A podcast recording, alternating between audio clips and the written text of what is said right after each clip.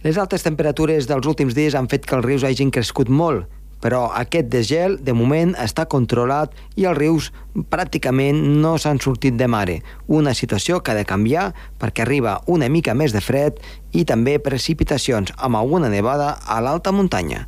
Comença el torb.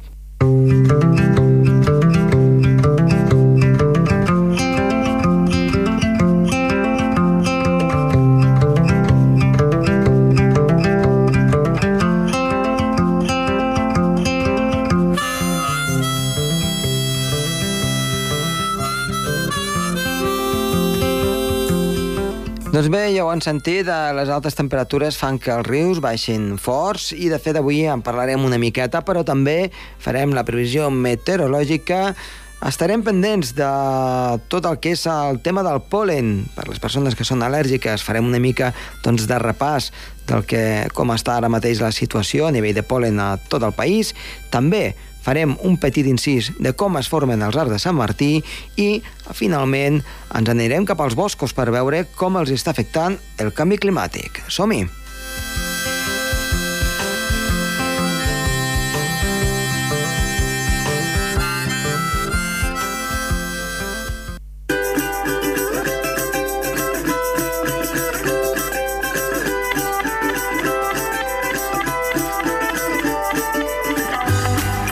Iniciem el programa i anem a parlar amb Gerard Tauler. Gerard, molt bona tarda. Molt bona tarda, Josep Tomàs. Doncs aquí estem gaudint de la primavera o patint-la, eh, depèn de per qui, perquè han pujat força les temperatures i tot, eh, amb tota la polinització que això representa, al·lèrgies, etc etc.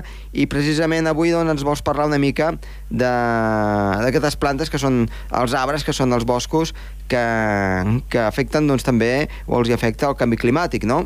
Sí, sí, la pujada de les temperatures amb el canvi climàtic, ahir vaig llegir un article d'en Jorge Alcina que diu que ja s'ha arribat aquest any a 410 per partícules per milió de uh -huh. concentració del diòxid de carboni.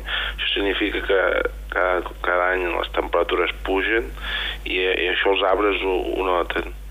La, la, la, els, els ecosistemes, que, que, que cada tipus d'arbres la, la Fageda, per exemple, sí. al Montseny pugen per, per adaptar-se al, al canvi climàtic, a les pujades de temperatures, perquè cada, cada tipus d'arbre té, té una tolerància a unes temperatures determinades. Mm -hmm.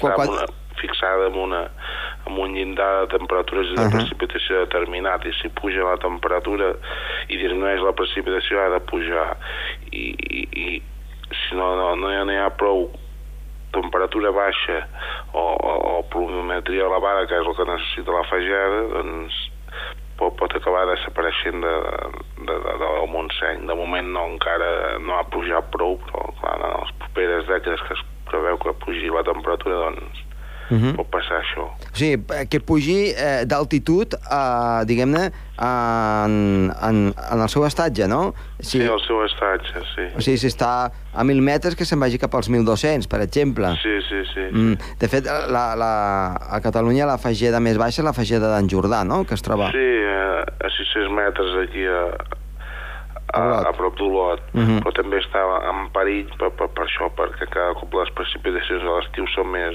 més escasses i les temperatures són més elevades. Uh -huh. Clar, el Pirineu també es veu una mica, no?, com va pujant eh, una mica, els arbres van pujant d'altitud sí. i, i els prats alpins cada cop mm, n'hi ha una mica menys, i això perjudica també menys, sí. la fauna, no?, que s'alimenta de tot això. Clar, eh... clar, hi ha, un delicat equilibri, no?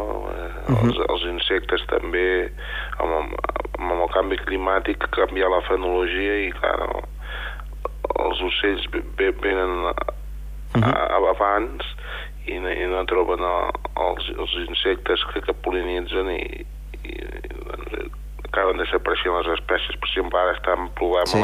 les abelles, no? Uh -huh. Tenen un problema les abelles, que cada cop n'hi ha menys i, i fabriquen mel i per això hi ha, hi ha problemes. Doncs, eh, Gerard, eh, moltes gràcies per aquest apunt eh, doncs de, de fenologia en aquest cas i t'esperem la setmana vinent. Molt bé, fins la setmana vinent, Josep Tomàs. Adéu-siau. Que vagi molt bé. Adéu-siau. El Torb, amb Josep Tomàs.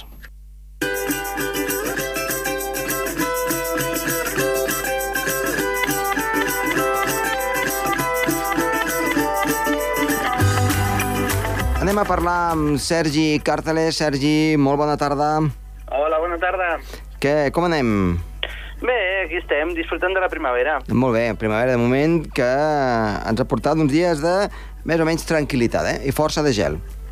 Sí, de gel i temperatures bastant elevades, que vulguis o no, doncs és això el que dius, forma de gel i els rius es comencen a omplir i comencen a fer molt de goig. Uh -huh. Què és el que ens portes aquesta setmana?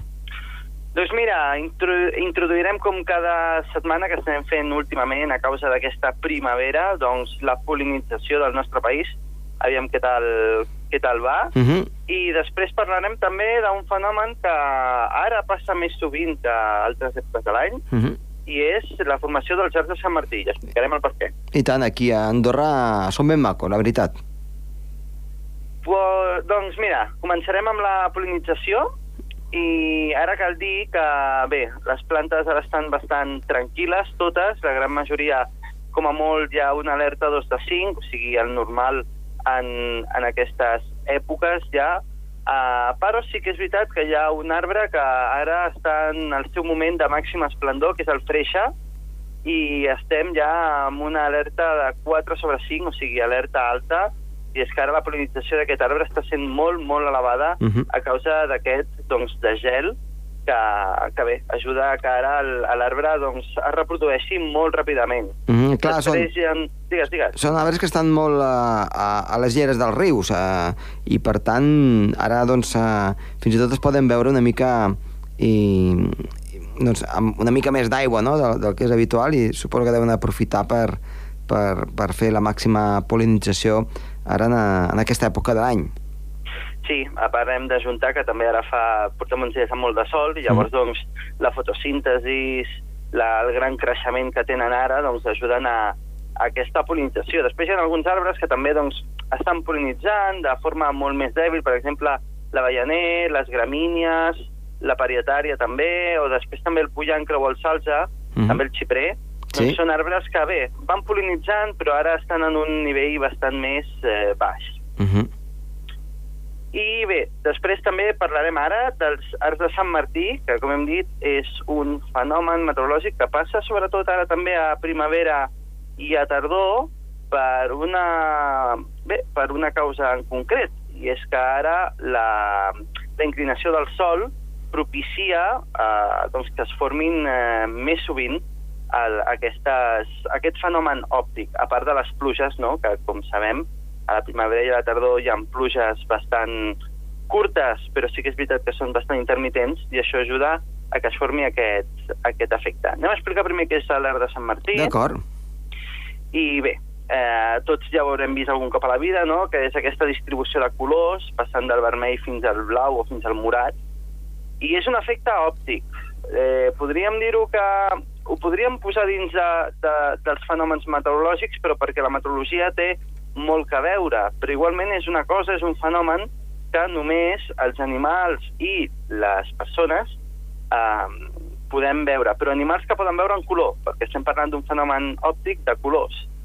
Um, com es forma l'art de Sant Martí? Bé, aquí hi ha dos fenòmens que uh, expliquen aquest efecte visual. El primer és la, la, la reflexió, o sigui, el, ens hem d'imaginar que hi ha una cortina d'aigua i també hi ha sol. Llavors, en aquest cas, uh, la llum solar arriba a aquesta cortina d'aigua i les gotes el que fan, una és reflexar aquesta llum solar, però a part, amb aquestes gotes d'aigua, un cop la llum solar entra dins de la gota, Uh -huh. el que fa la gota és separar cada un dels espectres de color que existeixen. Llavors aquest també és el fenomen que se li diu de refracció.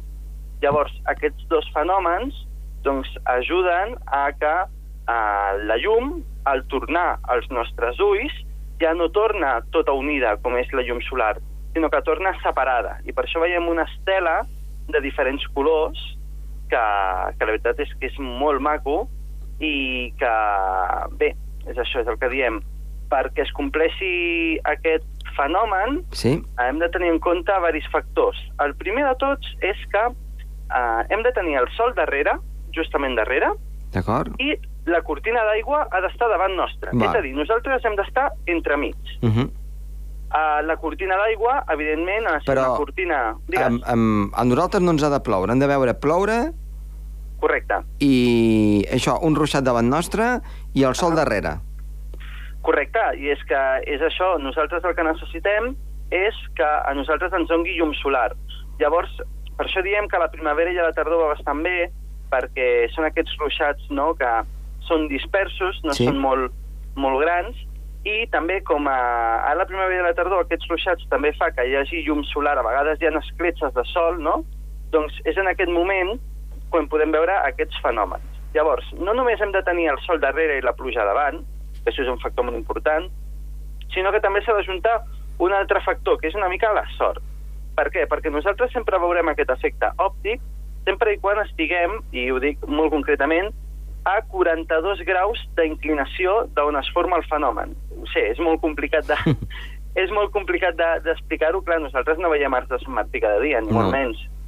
Potser, no sé, una experiència personal, veig dos, tres a l'any, com a molt. Llavors, és per això, perquè no només has de tenir el sol darrere i una cortina d'aigua davant, sinó que a part també has d'estar en la inclinació adequada, has d'estar en el punt adequat per veure aquest fenomen. Llavors, eh, a vegades hi ha molta, podem tenir molta sort i no veiem només un sol arc de Sant Martí, podem veure un doble o un triple arc de Sant Martí. Si això la gent ho pot veure algun dia, m'agradaria que es fixés bé en l'ordre dels colors del segon arc de Sant Martí, perquè es sorprendrà, i és que l'ordre dels colors estarà completament invertit. Normalment nosaltres el que tenim és doncs, l'arc de Sant Martí, el color més eh, gran, diguem, o el cercle més gran és el vermell. Sí. I després el color blau morat, millor dit, és el cercle més petit. Doncs si hi ha un doble arc de Sant Martí, es veuria com el cercle més petit és el vermell i el més gran és el morat. O sigui, s'inverteix completament. Uh -huh. I bé, eh, poca cosa més dir sobre aquest fenomen. Existeix un altre fenomen també que és bastant semblant, que es diuen halos, però que eh, en aquest cas eh, els halos són de color blanc i llavors aquests no tenen tant d'impacte visual com tenen, per exemple, els arcs de Sant Martí. Però sí que és veritat que, bé, és un, un fenomen també bastant curiós i es forma sobretot amb boires o, si no, també es pot formar amb, eh, si hi ha una capa molt prima de núvols prims i alts, que estem parlant de, de cirrostrats molt petitonets, doncs a vegades també amb la llum solar el que fa és que es reflecti i es refracti aquesta llum Mhm. i, i podem veure com un halo al voltant del Sol, que és bastant, és bastant maco. Doncs déu-n'hi-do, eh? eh déu nhi uh, Sí que és cert que aquí a Andorra se'n veuen, se'n veuen bastants i suposo que de, també deu ser per, la, per les diferents alçades en què un pot estar amb les muntanyes, pot arribar a tenir aquest, aquest grau d'inclinació de, de manera més fàcil potser que, que en una zona que és plana, no? Sí, sí, sí. sí. Doncs, eh, Sergi, moltíssimes gràcies i t'esperem la, la setmana vinent. Molt bé, vagi bé. Adéu-siau. Adéu.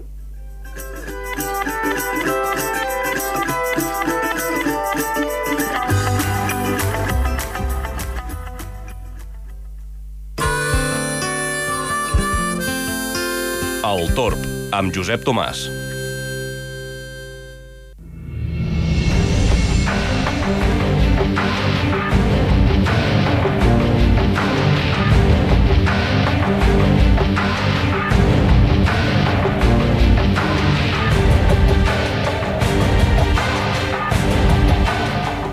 Doncs bé, avui els hi volem parlar una miqueta, fent una mica doncs, eh, el que fins ara està del programa. Hem parlat de el polen, hem parlat dels arts de Sant Martí, hem parlat dels boscos, com els hi afecta el canvi climàtic. Ara mateix volem fer una miqueta d'actualitat del que és ara mateix el Pirineu, quina és la situació. Pogut observar com la neu al Pirineu encara és molt abundant i tot això gràcies a les nevades que hi ha hagut fins pràcticament mitjans d'abril. S'han arribat a acumular eh, acumular. Això no vol dir que aquesta neu encara hi fos present fins que va començar el desglàs, sinó acumulat al llarg de tot l'any, sumant, diguem-ne, les precipitacions de neu que hi ha hagut, en aquest cas, en una estació, cap a la zona de Grau Roig. 8 metres amb 36 centímetres de neu acumulada uh, un, una neu que evidentment s'ha anat fonent, que evidentment doncs, també s'ha evaporat, però si tots els registres acumulats des de que va començar a nevar fins l'últim dia eh, en què hi ha hagut nevades han sumat tots aquests, eh, aquests centímetres, tots aquests metres de neu. Una situació que és molt similar, per exemple, també al cim de la Neto. Ens han comentat que damunt de la glacera, a uns 3.300 metres d'alçada, pràcticament des de 2.800 fins al cim eh, del que és el, el, la Neto, 3.404 metres d'altitud, ja una capa de neu de 8-9 metres, que encara no s'ha fos, perquè evidentment està a moltíssima alçada. I la fosa de neu en aquests moments està començant a partir dels 2.000-2.200 metres, en què a poc a poc aquesta neu ja es va fonent. Per damunt d'aquesta alçada, evidentment, al llarg de la nit, les temperatures són negatives, degut doncs, a l'elevada altitud. El mateix passa també aquí al Principat, en zones elevades, tot i que la neu es va fonent poquet a poquet, a la nit encara glaça, tot i que de forma molt tímida. I eh, tot això ens porta a parlar una mica del que podria ser aquest proper mes de maig, com anirien les precipitacions, i és que hem de recordar que durant el mes de maig les precipitacions al país són les més importants. De fet, s'espera oh, que arribi a caure uns 90 litres per metre quadrat a pràcticament totes les parròquies. És una de les pluviometries més intenses i extenses que hi han eh, respecte a altres mesos, en què a poc a poc va a disminuint aquesta pluviositat exemple, a l'hivern és un dels moments en què menys precipitació tenim. Una situació meteorològica que aquest cap de setmana a punta de que doncs, canvia, que arriba aire fred en alçada i que tot això doncs, farà que torni a nevar als cims més alts de les muntanyes i pugui baixar fins i tot aquesta cota de neu fins als 1.400 metres. Després ho explicarem amb l'espai del temps. Però els que, el que els hi volem argumentar és el següent. Arriba aire fred en alçada, eh, segurament aquest aire fred, tot i que anirà variant, es quedarà uns quants dies i això farà que comenci el mes de maig amb una certa inestabilitat. Una inestabilitat, podríem dir, remanent, de fons. Aquest aire fred en alçada que contrasta amb la caloreta que ja comença a fer al fons de les valls.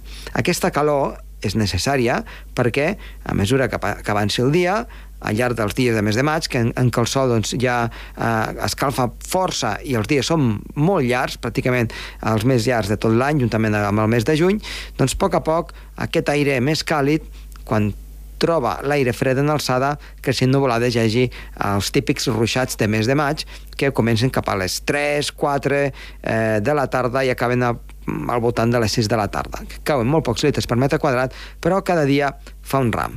I és que poc o molt la situació meteorològica sembla que se'n va cap a aquest camí. Però aquest any tenim un factor que pot ser determinant, i és que, especialment a la cara nord de les muntanyes i sobretot a les parròquies del nord, la quantitat de neu ara que comencem el mes de maig és molt abundant. Què vol dir això? Perquè creixen aquestes nuvolades necessiten calor, el calor del fons de les valls. I hi ha algunes valls on, on la neu Evidentment, més en alçada encara és present. A partir dels 2.000 metres la neu és present i, per tant, aquí serà difícil que es puguin formar nuvolades gràcies a l'augment de, la, de la temperatura. Per què? Doncs perquè hi ha neu. Per tant, aquí s'inhibeix una mica el creixement d'aquests núvols.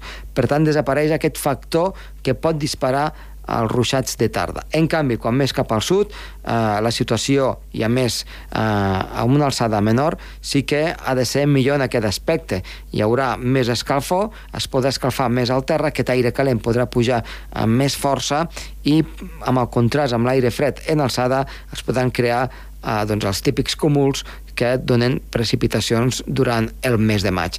Veurem si serà així, però pensem que la màxima precipitació aquest mes de maig, en lloc d'estar situada cap a parròquies altes, semblaria que en un principi estaria més cap al sud, i a mesura que anés avançant el desgel, cap al nord, arribarien aquests ruixats, però amb una mica de retard, degut a aquesta inhibició del que serien eh, la neu que encara estaria en zones elevades.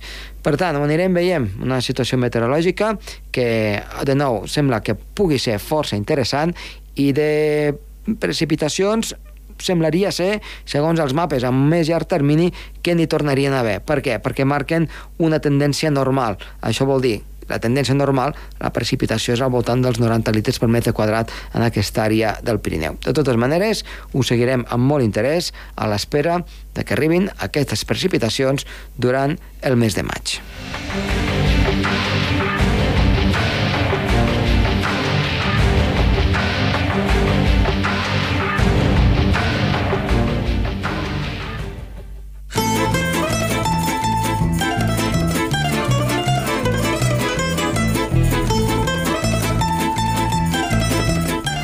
Doncs pel que fa a les previsions meteorològiques, eh, s'acaba una mica aquesta calor que ha fet que hi hagi hagut molt de gel fins a hores d'ara i a partir del cap de setmana, dissabte, ja les temperatures seran més fresques amb gelades a l'alta muntanya. I s'espera un matí tranquil per a una tarda on les nuvolades seran importants i pot deixar ja algun primer ruixat, amb una cota de neu elevada, 2.400 metres, però cal tenir en compte per si van doncs, a zones elevades d'aquí del país i també amb aquest perill de llaus que es pot mantenir entre 2, 3. Eh, una mica hem de veure quina és l'evolució al llarg de les properes properes jornades. I diumenge arriba una pertorbació activa que afectarà durant tota la jornada, especialment a la Carnal, però després s'estendrà a la resta, amb xàfecs i alguna altra tempesta. I atenció, amb un descens de les temperatures que ha de ser important. Aquest descens de temperatures ha de portar que la cota de neu que dissabte estaria situada cap a 2.400 metres es situï ràpidament cap als 2.200, 2.000 metres i finalment ja a la tarda fins i tot pugui baixar cap als 1.500, eh, 1.400 metres, si més no veure algun floc de neu. Per tant, a mitja i alta muntanya veurem neu, una neu que a l'alta muntanya pot ser eh, de més de 20-30 centímetres per damunt dels 2.200 metres i a les zones més baixes, aquestes que estem parlant, de 1.400, 1.500, 1.600 metres, sí que es veurà algun floc de neu, però no esperem tampoc que el gruix sigui massa considerable. Podem blanquenar una mica, però en aquesta època de l'any ja és força difícil. Però sí que cal tenir en compte l'alta muntanya, per tant, si van a fer alguna excursió, diumenge no és un bon dia, és millor dissabte, perquè la situació es complicarà i aquesta neu pot ser una mica traïdora en aquest sentit, a part de que baixaran força les temperatures i seran sota zero a les cotes més elevades del país pràcticament durant tota la jornada. Per tant, canvis típics de la primavera. Havíem tingut eh, una primera part nivosa i plujosa, ara havíem encetat un temps doncs, eh, més de màniga curta, podríem dir, i ara doncs, eh, començarem aquest final d'abril i principis de mes de maig amb una tendència a que les temperatures vagin a la baixa i comencen els ruixats fins i tot amb neu a l'alta muntanya, que sol ser habitual també en aquesta època de l'any, per tant, res fora del que és normal. En definitiva, doncs, cap de setmana que ha de ser molt diferent a la de les darreres jornades.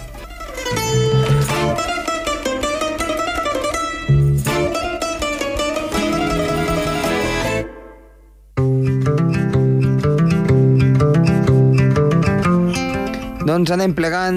Avui ha estat a les vies de so Ricard Porcuna i qui els ha parlat de molt de gust, Josep Tomàs. Tornem la setmana que ve. Esperem que els hagi agradat el programa. Adéu-siau.